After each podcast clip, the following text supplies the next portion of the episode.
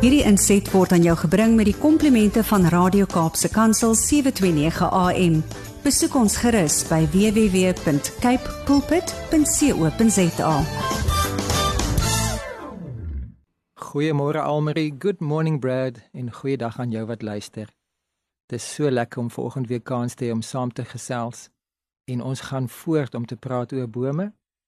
En ons het in ons vorige gesprek gesê dat daar 'n insident in die Nuwe Testament in Markus hoofstuk 8 waar Jesus 'n blinde man genees en dan is die eerste resultaat van Jesus se gebed is dat daai blinde man kan sien, maar hy kan net gedeeltelik sien en vir hom lyk die mense rondom hom dan soos bome. Ek sien hulle rondloop soos bome, het die man verbaas uitgeroep.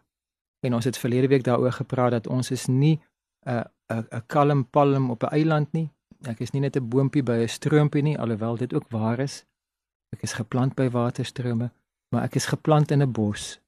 En of ek dit nou wil of wil weet of nie, daar is ander mense rondom my en hulle het 'n invloed op my.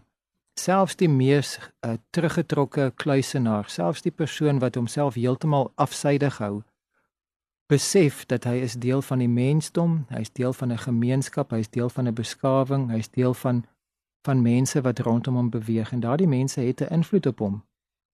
En ek wil juis sê dat daai invloed moet meer wees maar ten goeie. Dat ek nie stroom afgedlei word deur die verkeerde invloede nie, maar dat ek beïnvloed word ten goeie.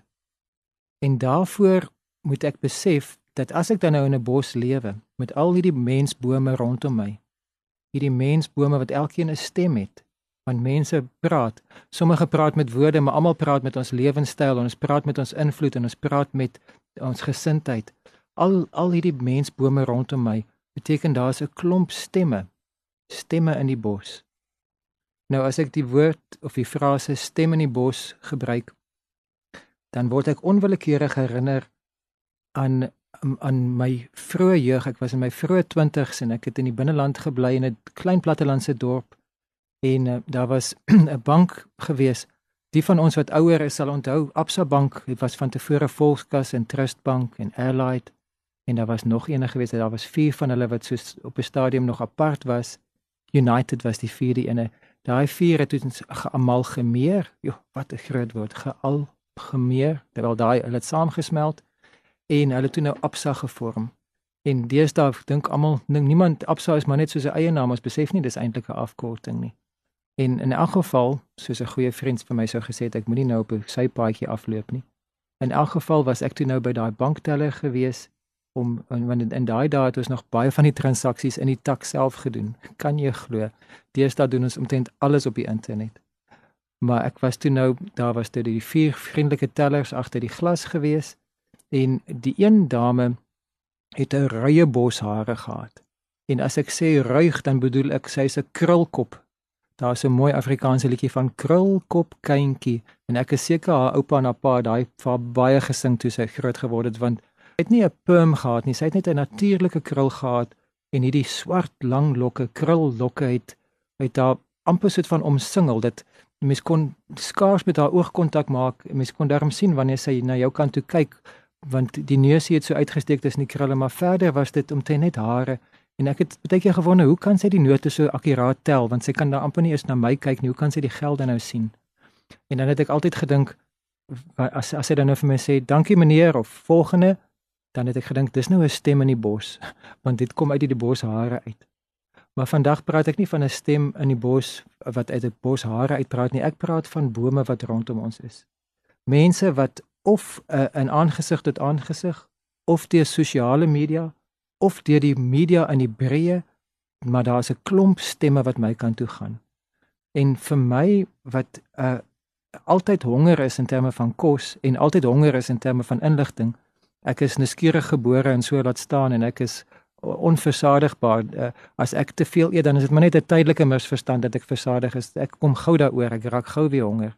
En hierdie ewige honger na kennis maak dat ek dikwels Kaapse Kansel en ander radiostasies gebruik om vir my op hoogte te hou van sake. En tydens lockdown was dit omtrent vir jou 'n toe toedrag van sake want toe moes ek natuurlik op hoogte bly van alle COVID inligting en met die inval in Oekraïne wou ek net geweet het wat gaan alles in in Rusland en Putin se kop.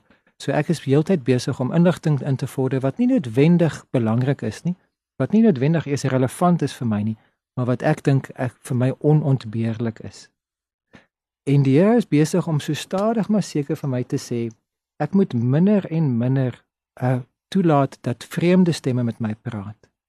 Nie dat ek myself moet afsonder nie, maar dat ek moet tyd maak in 'n in 'n 'n lewenstyl kweek waar sy stem vir my uitstaan, waar sy stem vir my belangriker is.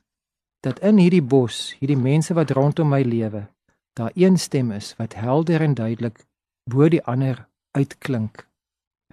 En die vers wat ek wil wil gebruik om hierdie waarheid in my hart in te brand En ek wil hê jy moet jou hart oopstel en as as jy as jou gees hiermee getuig, dan wil ek hê dat die woorde van Jesaja hoofstuk 30 vers 21 in jou hart sal inbrand en dat dit van vandag af by jou sal bly en dat dit dat dit 'n stem sal wees wat met jou sal praat vir die dae wat ons vorentoe gaan. Jesaja 30:21 sê met julle ore sal jy sal julle 'n woord agter julle hoor. Hier is die pad, gaan daarop van julle regs of links wil hou. Kom ek lees dit weer vir ons. Met julle ore sal julle 'n woord agter julle hoor. Hier is die pad. Gaan daarop wanneer julle regs of links wil hou. Baie van die Engelse vertalings, Isaiah 30 verse 21, praat van you will hear a voice behind you saying this is the way walk in it. This is the voice behind you saying this you will hear a voice behind you saying this is the way walk in it so dis vir my opvallend dat van die vertalings praat van 'n woord en ander praat van 'n stem. Maar as ons mooi gaan dink dat die, as dit Jesus is wat met ons praat dan is dit sy stem wat met ons praat. Maar hy praat so dikwels met ons deur sy woord want Jesus is die logos die woord van God die vleesgeworde word woord en hy en hy het ook die woord geïnspireer die hele woord is God breathed. Dis God se asem wat die geskrewe woord tot stand gebring het. So ek het al dikwels in my lewe gesê, ag as die Here maar net met 'n hoorbare stem met my sal praat, dan sal ek weet wat om te doen. En dan het ek so 'n verlange of selfs 'n begeerte dat ek sy stem sal hoor. Maar besef ek dat die geskrewe woord is God se stem, is God se woord wat in met, my praat. Ek wil nie daardeur sê dat God nie met jou kan praat op ander maniere as net sy woord nie. God kan met 'n hoorbare woord praat. Ek wil hom nie beperk nie. Hy is God. Hy kan doen wat hy wil en hy doen dit gereeld en hy doen dit vandag nog. Maar dikwels kies hy om ook vir ons te lei deur sy geskrewe woord en dan bevestig bevestig hy dit deur sy gees en in jou binneste en deur omstandighede en deur die getuienis van ander broers Daar's soveel maniere wat hy dit sy woord dan so wonderlik bevestig vir ons. As ek dan nou hierdie begeerte het om God se stem te hoor, het ek dan dieselfde begeerte om God se woord toe te laat om met my te praat?